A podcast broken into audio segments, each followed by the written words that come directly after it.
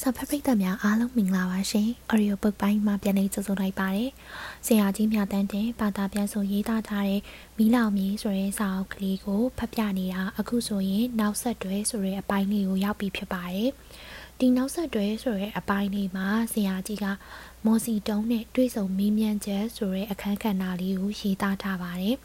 ဒီဗီဒီယိုလေးမှာဒီနောက်ဆက်တွဲမော်စီတုံးနဲ့တွဲဆောင်မင်းမြန်ချက်ဆိုတဲ့အခန်းကဏ္ဍလေးကိုကျွန်မဆက်လက်ဖတ်ပြပေးသွားမှာဖြစ်ပါရဲ့ရှင်1936ခုနှစ်တုန်းကမော်စီတုံးနဲ့ကျွန်တော်တွဲဆောင်မင်းမြန်ချက်များကိုနေရာခက်ခဲများကြောင်းတရုတ်ပြည်ပေါ်ကကျေနီစာအုပ်တွင်အပြည့်အစုံမထည့်ခဲ့ရ၎င်းတို့ကို1938ခုနှစ်ဖေဖော်ဝါရီလ3-5နေ့ထုံးရှန်ဟဲ Evening Post သတင်းစာတွင်ဖော်ပြခဲ့သည်။ လက်ရှိအချိန်တွင် စိတ်ဝင်စားဖွယ်ကောင်းသည့်အမေးအဖြေအချို့ကို အောက်တွင် ကောက်နှုတ်ဖော်ပြပါသည်ကွန်မြူနတီအင်တာနေရှင်နယ်အဖွဲ့ကိုမင်တန်တရုတ်ပြည်နှင့်အပြင်မွန်ဂိုလီးယားပေါင်အန်1936ခုဇွန်လ23အမေ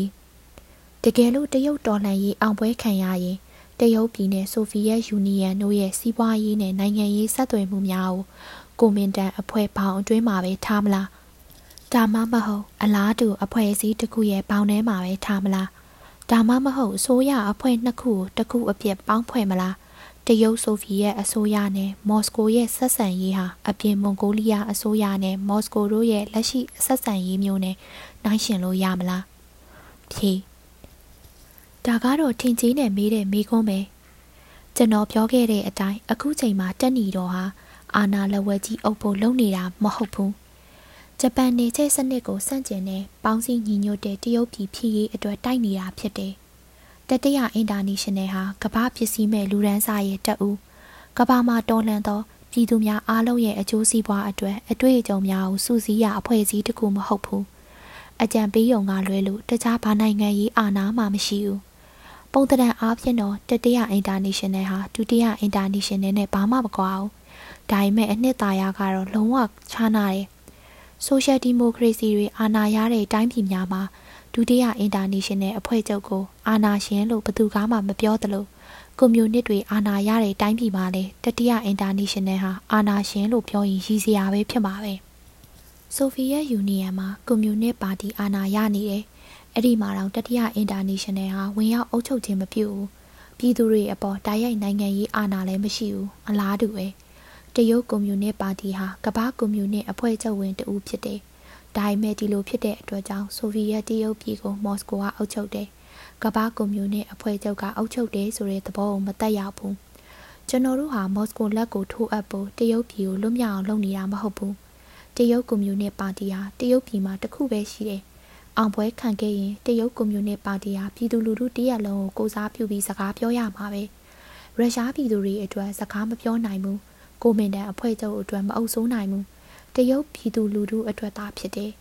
တရုတ်ပြည်သူရဲ့အကျိုးစီးပွားနဲ့ရုရှားပြည်သူရဲ့အကျိုးစီးပွားတစ်ထက်တည်းကြမှသာလျှင်မော်စကိုရဲ့ဆန္ဒကိုလိုက်ရောလို့ပြောနိုင်လိမ့်မယ်တိုင်းပြည်များစွာမှာဆိုဗီယက်အစိုးရတွေထူထောင်ပြီးတဲ့နောက်နိုင်ငံတကာဆိုဗီယက်အဖွဲ့ကြီးဖွဲ့စည်းရင်ပြဿနာဟာပေါ်ပေါက်ကောင်းပေါ်ပေါက်လာနိုင်တယ်ဘယ်လိုဖြေရှင်းမယ်ဆိုတာကြတော့စိတ်ဝင်စားစရာကောင်းပါပဲ။ ဒါပေမဲ့ဒီနေ့အထိတော့ဒီလိုနီးလန်းတွေနဲ့ဖြည့်ရှင်းရမလဲဆိုတာကျွန်တော်မပြောတတ်ဘူးဒီပြဿနာဟာကြိုပြီးဖြည့်ရှင်းနိုင်တဲ့ပြဿနာမျိုးမဟုတ်ဘူးဒီနေ့ကဘာမှာနိုင်ငံအသီးသီးရာပြည်သူအသီးသီးကြားမှာစီးပွားရေးနဲ့ရှင်ကျေးမှုအဆက်အသွယ်တွေများပြားလာတဲ့အတွက်ဒီလိုတမကကြီးတခုလိုအပ်တာအမှန်ပဲဒါပေမဲ့အတင်းကျပ်ဝင်ချင်းမျိုးမဟုတ်ပဲကိုယ်စံနာလျောက်ဝင်ချင်းမျိုးသာဖြစ်ရလိမ့်မယ်အဲ့ဒီအချက်ဟာအရေးကြီးဆုံးပဲ နိုင်ငံတိုင်းကပြည်သူတွေရဲ့စံနာနဲ့အညီသူ့ရဲ့အချုပ်အခြာအာဏာပိုင်ခွင့်နဲ့အညီအဲ့ဒီတမကကြီးတွေကိုဝင်ရောက်ပိုင်ခွင့်နှုတ်ထပ်ပိုင်ခွင့်ရှိစေရမယ်။မော်စကိုရဲ့အမိန့်နဲ့မဖြစ်စေရဘူး။အပြင်မွန်ဂိုလီးယားနဲ့ဆိုဗီယက်ယူနီယံတို့ရဲ့ဆက်ဆံရေးဟာလုံးဝတန်းတူရည်တူဖြစ်မှုအပေါ်မှာအခြေခံတယ်။အရင်ကလည်းဒီတိုင်းပဲ။အခုလည်းဒီတိုင်းပဲ။တရုတ်ပြည်သူဒေါ်လာရေးအောင်ခဲ့ရင်အပြင်မွန်ဂိုလီးယားသမ္မတနိုင်ငံဟာတရုတ်ပြည်ထောင်စုရဲ့အစိပ်ပိုင်းတရက်အလိုလိုဖြစ်လာနာပဲ ဒါဟာသူးဆန္ဒအလျောက်ဖြစ်ရမယ်မဟာမေဒင်များနဲ့တိဘက်ပြည်သူများဟာတရုတ်ပြည်မှာတီးခြားသမ္မတနိုင်ငံများဖြစ်လာကြရမှာပဲကူမင်တန်တို့ကျင့်သုံးတဲ့လူမျိုးစုများနဲ့ပတ်သက်တဲ့မတရားစာချုပ်တွေဟာကျွန်တော်တို့လုပ်ငန်းစဉ်မှာမပါနိုင်ဘူးဘယ်ဒီမိုကရေစီသမရနိုင်ငံရဲ့လုပ်ငန်းစဉ်မှာမှလည်းမပါနိုင်ဘူးတရုတ်ပြည်သည်တော့ကြလားမေတရုတ်ပြည်မှာကွန်မြူနစ်တို့အောင်ပွဲခံခဲ့ရင်ကိုရီးယားအင်ဒိုချိုင်းနာဖိလစ်ပိုင် အိန္ဒိယစတဲ့တခြားအာရှနိုင်ငံများဒါမှမဟုတ်ကိုလိုနီတပိုင်းတိုင်းပြည်များမှာဒေါ်လန်ရေးတွေအလျင်များပေါ်ပေါက်လာနိုင်သလားလက်ရှိအခြေအနေမှာတရုတ်ပြည်ဟာကမ္ဘာဒေါ်လန်ရေးရဲ့တော့ချက်လားဖြေတရုတ်ဒေါ်လန်ရေးဟာကမ္ဘာအခြေအနေတစ်ခုလုံးရဲ့တော့ချက်ပြဿနာဖြစ်တယ်တရုတ်ဒေါ်လန်ရေးအောင်ပွဲခံရင်ကိုလိုနီတိုင်းပြည်ပေါင်းများစွာဟာတရုတ်ပြည်ရဲ့နမူနာကိုလိုက်ကြပြီးသူတို့အောင်ပွဲကိုရယူကြမှာဖြစ်တယ် ဒါပေမဲ့အာနာသိန်းကြီးဟာကျွန်တော်တို့ရဲ့လောလောဆယ်ရည်ရွယ်ချက်တော့မဟုတ်ဘူးဆိုတာကတော့ကျွန်တော်အလေးနဲ့ပြောချင်ပါတယ်ကျွန်တော်တို့ဟာပြည်တွင်းစစ်ကိုရက်ချင်တယ်ကိုမင်တန်နဲ့တခြားပါတီများပါတယ်ပြည်သူဒီမိုကရေစီအစိုးရကိုဖွဲ့ချင်တယ်ဂျပန်စန့်ကျင်တဲ့အမျိုးသားလွတ်လပ်ရေးအတွက်တိုက်ချင်တယ်မြေယာဝေချမ်းရေးမေဂျပန်နေချိတ်စနစ်စန့်ကျင်ရေးတိုက်ပွဲပြီးတဲ့နောက်မှာတော်လန်ရေးရဲ့အဓိကလုပ်ငန်းဟာပါလေဖြေ တရုတ်ဒေါ်လာရေးဟာလက္ခဏာအားဖြင့်တနာရှင်ဒီမိုကရေစီဒေါ်လာရေးဖြစ်တယ်။သူ့ရဲ့ပထမအဆုံးလုပ်ငန်းဟာမြေယာပြဿနာဖြေရှင်းရေးဖြစ်တယ်။တနည်းပြောရရင်မြေယာပြုပြင်ပြောင်းလဲရေးကိုလက်တွေ့အကောင့်ထဲပေါ်ဖို့ဖြစ်တယ်။ဒီလုပ်ငန်းဘလောက်အရေးကြီးတယ်ဆိုတာမြေယာဝေချမ်းရေးနဲ့ပတ်သက်တဲ့ကိန်းဂဏန်းများနဲ့ပြောရင်ပိုပြီးသဘောပေါက်နိုင်တယ်။အမျိုးသားဒေါ်လာရေးကာလာတုန်းကကျွန်တော်ဟာကုမင်တန်ပါတီလေသမားဌာနကြီးရဲ့အတွင်းရေးမှူးလုပ်ခဲ့ပူတယ်။21ပြည်နယ်မှာစည်ရင်းစရာတွေကိုထိန်းခဲ့ရတယ်။ အဲ့ဒီဇယားတွေကိုကြည့်တော့မှအလွန်အံ့ဩစရာကောင်းတဲ့မညီမျှမှုတွေကိုတွေ့ရတယ်။လူဦးရေရဲ့80ရာခိုင်နှုန်းဟာစည်ရဲသားလေသမားတွေတီးစားသမားတွေလဲကူလီတပိုင်းတွေဖြစ်နေကြတယ်။20ရာခိုင်နှုန်းကတော့ကိုလေကိုထွန်နဲ့အထက်တန်းစားလေသမားတွေဖြစ်တယ်။10ရာခိုင်နှုန်းကတော့အတိုးကြီးစားတွေနဲ့မြေရှင်တွေဖြစ်တယ်။အဲ့ဒီ10ရာခိုင်နှုန်းထဲမှာချမ်းသာတဲ့လေသမားတွေစစ်ဘီရင်တွေရဲ့ဆွေမျိုးတွေလည်းပါတယ်။ချ မ်းသာတဲ့လက်သမားမြေရှင်နဲ့အတိုးကြီးစားဆရာဂိုင်နှုံးလောက်က80ရာဂိုင်နှုံးရှိတဲ့စိုက်ပျိုးတဲ့မြေတွေကိုပိုင်ကြတယ်30နဲ့12ရာဂိုင်နှုံးလောက်အလက်တန်းစားလက်သမားတွေကပိုင်ကြတယ်စိုက်ပျိုးနိုင်တဲ့လေယာမြေစုစုပေါင်းရဲ့30နဲ့15ရာဂိုင်နှုန်းကိုလူဦးရေရဲ့80ရာခိုင်နှုန်းရှိတဲ့စင်းရဲလေသမားတီးစားသမားတီးစားသမားတပိုင်းနဲ့လေကူလီတွေကပိုင်ကြတယ်။တရုတ်တော်လန်ကြီးဟာဖိနှိပ်မှုနှမျိုးကြောင့်ပေါ်ပေါက်ခဲ့ရတာဖြစ်တယ် တမျိုးကနေချက်သမားတွေနောက်တမျိုးကတော့ဆရာကိုင်နှုံးလောက်ရှိတဲ့မြေရှင်တွေနဲ့တရုတ်သွေးဆုပ်သူလူဒန်းစားတွေပါပဲဒါကြောင့်ဒီမိုကရေစီမြေယာပြုပြင်ပြောင်းလဲရေးနဲ့နေချေစန့်ကျင်ရေးစစ်ပွဲဆိုတဲ့ကျွန်တော်တို့ရဲ့တောင်းဆိုချက်တင်များကိုလူဦးရေရဲ့ဆရာကိုင်နှုံးကဆန့်ကျင်နေခြင်းဖြစ်တယ်တကယ်ကတော့ဆရာကိုင်နှုံးတော့မရှိပါဘူးတိုင်းပြည်ကျွန်းလို့ရေးအတွက်ဂျပန်နဲ့လက်တွဲသွားကြတဲ့တစ်စပေါက်တစုပါ900ခိုင်နှုန်းလောက်ပဲရှိမှာပေါ့မီကုမင်တန်နဲ့ ညီညွတ်ရေးတပ်ပေါင်းစုဖွဲ့ကိုတချို့ဆိုဗီယက်လုပ်ငန်းစဉ်တွေကိုရပ်ဆိုင်းထားတဲ့အတွက်မြေယာဝေချမ်းရေးမှာကောနှောင့်နှေးစရာဖြစ်မနေဘူးလားဖြေမြေရှင်ကြီးတွေရဲ့မြေတွေကိုသိမ်းယူခြင်းမပြုရင်လယ်သမားလူဒန်းစားတွေရဲ့အဓိကဒီမိုကရေစီကြတဲ့တောင်းဆိုချက်ကိုအကောင့်ထဲမဖော်ရင်အမျိုးသားလွတ်မြောက်ရေးအတွက်အောင်မြင်တဲ့တော်လှန်ရေးတိုက်ပွဲဆင်နွှဲဖို့ကြည်ပြန့်တဲ့လူမှုအခြေခံကိုတည်ဆောက်နိုင်မှာမဟုတ်ဘူးအမျိုးသားအရေးတော်အတွက် လယ်သမားတွေရဲ့ထောက်ခံမှုကိုလိုချင်ရင်သူတို့ရဲ့မြေယာတောင်းဆိုချက်တွေဖြည့်စွမ်းပေးဖို့လိုတယ်။ကျွန်တော်တို့ဟာပြုပြင်ရေးသမားများမဟုတ်ရင်အန်1939ခုနှစ်စက်တင်ဘာ25မေ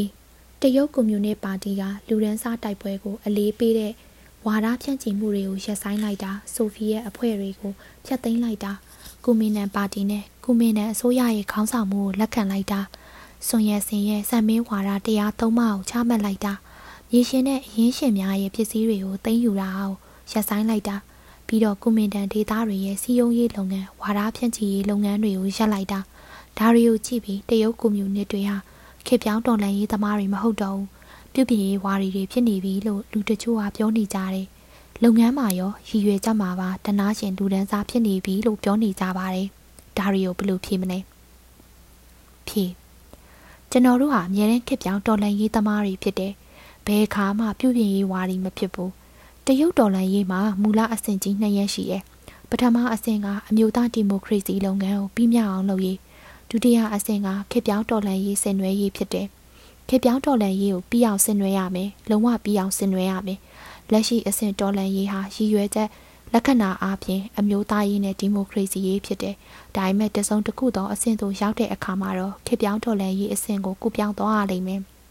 ။တရုတ်ဒေါ်လာရေးမူလအဆင့်ကနေပြီးခေပြောင်းဒေါ်လာရေးအစိပ်ပိုင်းဖြစ်ပေါ်နေမှုဟာဖြစ်မှုအဆင့်သို့ရောက်သွားလိမ့်မယ်။အကယ်၍ကျွန်တော်တို့လက်ရှိလုပ်ငန်းဟာအောင်မြင်ခဲ့ရင်ပေါ်လေမအောင်မြင်ခဲ့ရင်တော့ခေပြောင်းဒေါ်လာရေးဟာစောစီးစွာမဖြစ်နိုင်ဘူး။တံပြန်တိုးစစ်ကြီးအတွက်ပြင်ဆင်မှုမေဥက္ကဋ္ဌကြီးရဲ့ ရေရှည်စစ်သဘောတရားအမြင်နဲ့ကြည့်ရင်တရုတ်ပြည်ရဲ့ဂျပန်ခုခံစစ်ဟာလက်ရှိအချိန်မှာဘယ်အဆင့်ကိုရောက်နေပြီလဲစစ်ဤအဆင့်ကိုရောက်ပြီလားဖြေဟုတ်တယ်တရုတ်ပြည်ခုခံရေးစစ်ပွဲဟာသူမသားကိုမသားစစ်ဤရဲ့အဆင့်ကိုရောက်နေပြီဒါပေမဲ့နည်းနည်းတော့ချုံရင်းချက်ရှိတယ်နိုင်ငံတကာအခြေအနေထဲလဲဖြစ်ပေါ်နေမှုဂျပန်ကလည်းပို့ပြီးအကြက်တွေ့နေတယ်ဆိုရင်တရုတ်ပြည်ကလည်းဂျပန်နဲ့မဆိတ်ဆက်ဘူးဆိုရင်စစ်ပွဲဟာစီအဆင့်ကိုရောက်နေပြီ ကျွန်တော်တို့ဘက်ကနေကြည့်ရင်တံပြန်တိုးစစ်ကြီးအတွက်ပြင်ဆင်ချိန်ဆိုပါတော့နာစီဆိုဖီယက်စာချုပ်မေဆိုဖီယက်နာဇီမကျူးကျော်ရေးစာချုပ်နဲ့ပတ်သက်တဲ့ဥက္ကဋ္ဌကြီးရဲ့ထင်မြင်ချက်ကိုကျွန်တော်ဖတ်လိုက်ရတယ်။ဆိုဖီယက်ယူနီယံဟာဥရောပစစ်ပွဲတွေထဲမှာပါပွဲမရှိဘူးလို့ဥက္ကဋ္ဌကြီးယူဆပုံရတယ်။ဒီလိုဆိုရင်ဆိုဖီယက်ယူနီယံဟာဥရောပစစ်ပွဲမှာသူ့ကိုအတိုက်မခံရမချင်းကြားနေမယ်လို့ယူဆပါသလား။ဖြေ ဆိုဗီယက်ယူနီယံဟာဒီစစ်ပွဲမှာဝင်တိုက်မှာမဟုတ်ဘူး။ဘာဖြစ်လို့လဲဆိုတော့နှစ်ဖက်စလုံးဟာနေကျဲသမားတွေကြီးပဲဖြစ်လို့ပဲ။ဒီစစ်ပွဲဟာလူရဲ့ရေးစစ်ပွဲသာဖြစ်တယ်။ဘယ်ဘက်မှမှမျှတမှုမရှိဘူး။နှစ်ဖက်စလုံးမှာအာဏာချိန်ခွင်ရှာကိုညှိဖို့ကဘာပြည်သူများကိုစိုးမိုးဖို့တိုက်နေသူတွေကြီးပဲ။နှစ်ဖက်စလုံးဟာမှားတယ်။ဆိုဗီယက်ယူနီယံဟာဒီလိုစစ်မျိုးထဲမှာပါမှာမဟုတ်ဘူး။ဂျားနေလိမ့်မယ်။ဒီစစ်ပွဲမှာဂျာမနီကပဲနိုင်နိုင်အင်္ဂလိပ်ကပဲနိုင်နိုင်ဆိုဗီယက်ယူနီယံကိုတော့ချိန်ချောက်လို့ရမှာမဟုတ်ဘူး။ ဆိုဗီယက်ယူနီယံကိုဝင်တိုက်ခဲ့ရင်သူ့နောက်မှာအနိုင်နိုင်ငံပြည်သူများထောက်ခံကြလိမ့်မယ်ကိုလိုနီနဲ့ကိုလိုနီတပိုင်းတိုင်းပြည်ဟာပြည်သူတွေကထောက်ခံကြမှာပဲဆိုဖီယက်နဲ့ဟစ်တလာတို့စီးပွားရေးပူးပေါင်းမှုကျွန်တော်ကမော်စီတုံးတန်မိကုန်းများချိုတင်ပို့ခဲ့သည်ဤနေရာတွင်ကျွန်တော်စီးရင်ထဲတွင်မပါသည့်မိကုန်းတစ်ခုကိုကြားဖောက်၍မေးခဲ့သည်မိကုန်းမှာဂျာမနီသည်ဗြိတိန်နှင့်ပြင်သစ်တို့ကဲ့သို့နေချက်သမားတွေအချင်းချင်းဆိုလျင်